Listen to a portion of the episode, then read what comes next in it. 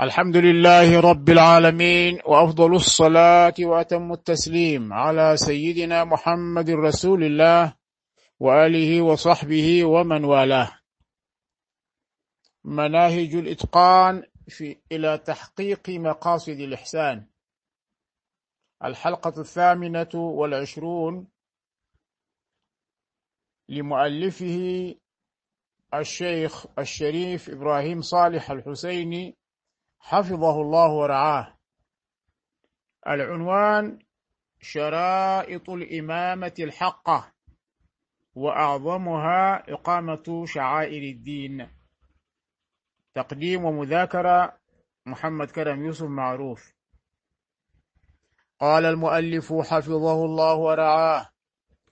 إن أساس كل فلاح وصلاح فيما يتعلق بالدين والدنيا والآخرة هو إقامة شعائر الدين وتحقيق عقائده والاستقامة عليه مظهرا وسلوكا ظاهرا وباطنا حسا ومعنى.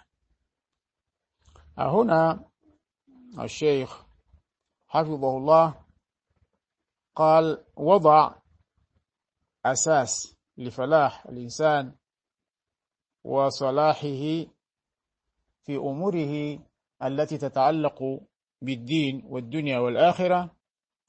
لا لا يتأتى هذا الفلاح والصلاح إلا بإقامة شرائع الدين.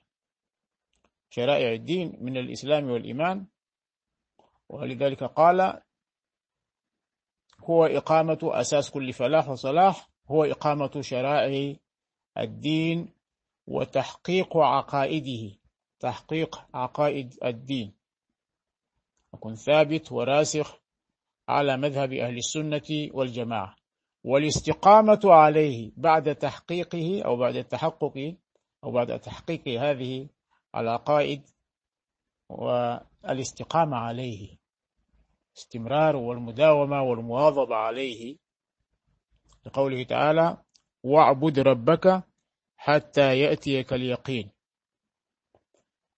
وهذه الاستقامة تتمثل في مظهره وسلوكه ظاهرا وباطنا حسا ومعنى.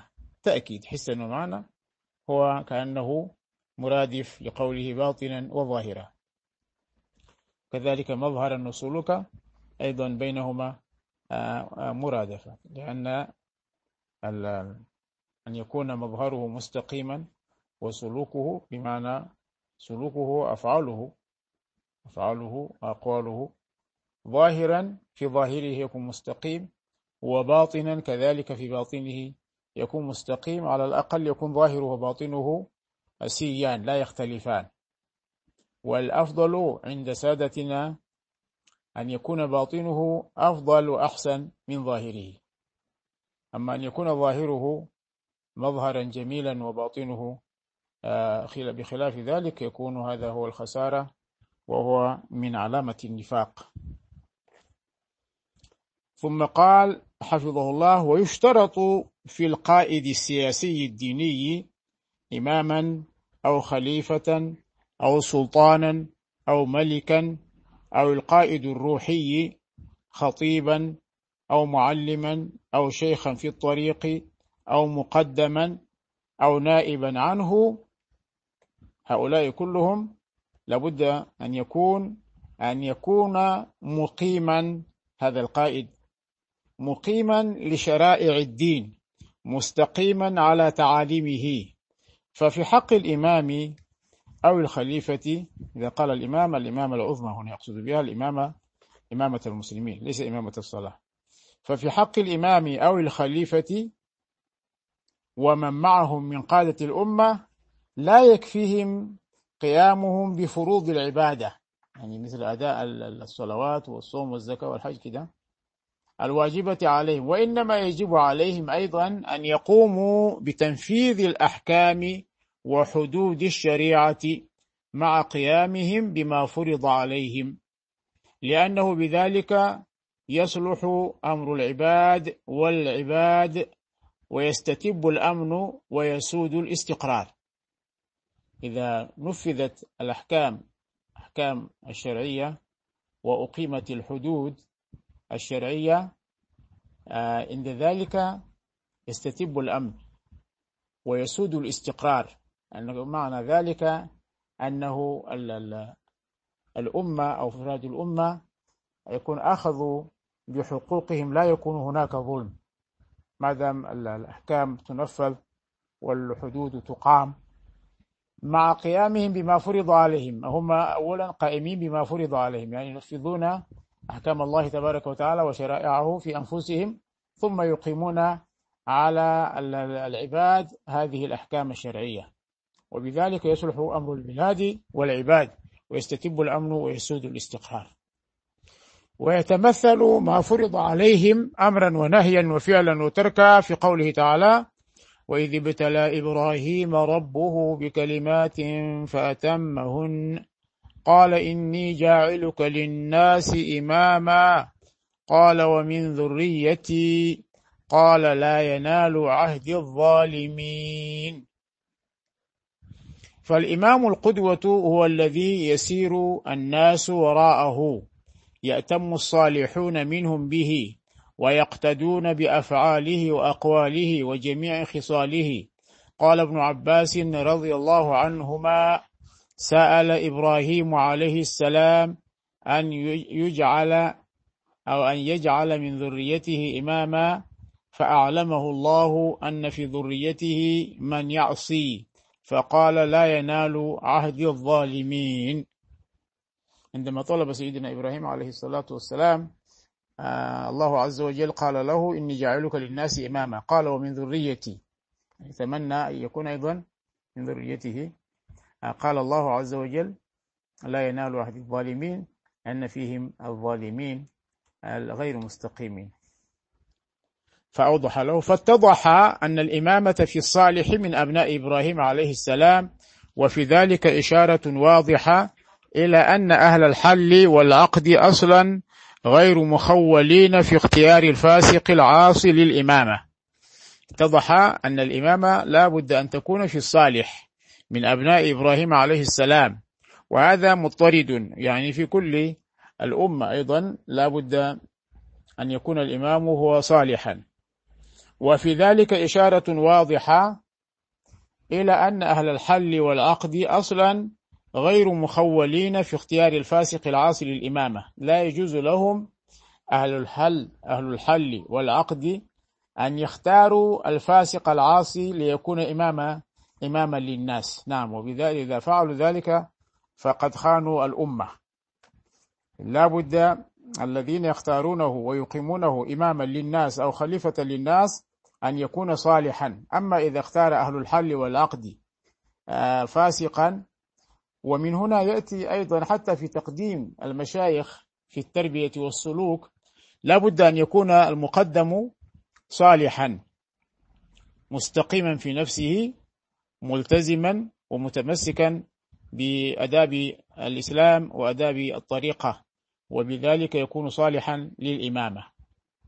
فمن باب أولى إذا كان إماما الإمامة العظمى لابد أن يكون صالحا غير فاسق لأنه إمام للناس لأنه قدوة وفاقد الشيء لا يعطيه. وأهل الحل والعقد كذلك لا يجوز لهم أن يختاروا آه، الفاسق العاصي للإمامة لإمامة الناس. وكذلك الأمر بالنسبة لانتخاب الفاسق غير الأمين فإنه باطل في مجتمع أغلبيته مسلمة. كذلك الأمر بالنسبة لانتخاب الفاسق يعني لا يجوز للناس أن ينتخبوا الفاسق غير الأمين لأنه انتخابه فاسق في مجتمع أغلبيته مسلمة. إذا كان مثلا كافرا أو كان عاصيا مجاهرا بفسقه فاختياره مفسد غير مصلح. قال العلامة القرطبي في الجامع لأحكام القرآن استدل جماعة من العلماء بهذه الآية آية في قصة سيدنا إبراهيم. بهذه الآية على أن الإمام يكون من أهل من أهل من أهل العدل والإحسان والفضل مع القوة على القيام بذلك. يكون عنده القوة لتنفيذ أحكام الله عز وجل ومقدرة وهو الذي أمر النبي صلى الله عليه وسلم ألا ينازع الأمر أهله. ألا ينازع الأمر أهله. بمعنى لا يزاحم ولا يأخذ القيادة الإمامية يعني غير أهله. ولا يترك إذا كان هناك آه، من كان أهلا للقيادة والإمامة يترك له الأمر ولا ينازع.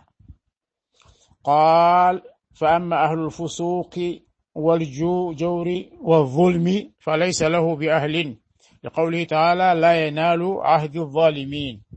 ولهذا خرج ابن الزبير والحسين بن علي رضي الله عنهم وخرج خيار أهل العراق وعلماؤهم على الحجاج وأخرج أهل المدينة بني أمية وقاموا عليهم فكانت الحرة التي أوقعها بهم مسلم بن عقبة.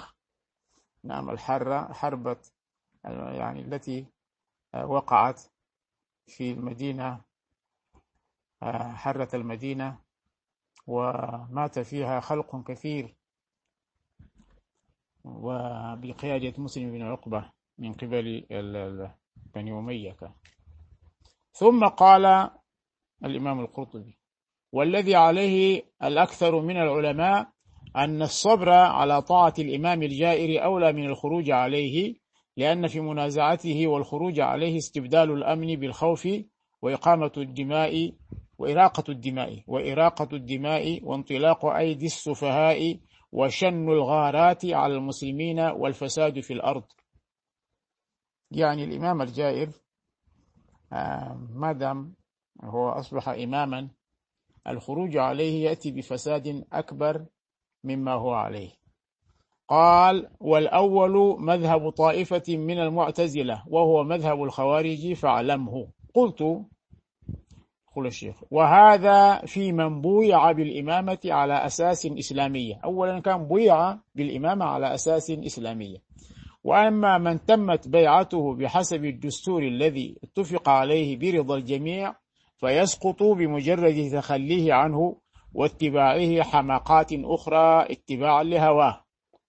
الشيخ هنا يقول يوضح يقول الخروج على الإمام وعدم الخروج هذا كله عدم الخروج أولى من الخروج عليه. قال هذا في من بويع بالإمامة على أساس إسلامي. أولا بويع بالإمامة أنه كان صالحا ومسلما وخلاص لكنه آه، فيه جور وظلم. هذا الناس يصبرون عليه لأنه بويع أساسا على أساس إسلامية.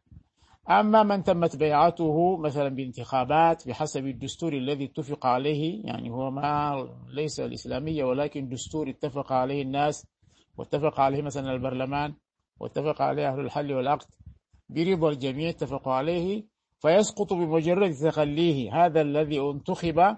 إذا تخلى عن الدستور وعما اتفقوا عليه يسقط بمجرد تخليه عنه. واتباعه حمقات أخرى غير ما اتفقوا عليه اتباعا لهواه. عند ذلك لابد من الخروج عليه لأنه خرج عن الدستور الذي اتفقوا عليه. وصلى الله على سيدنا محمد وآله وصحبه ومن والاه.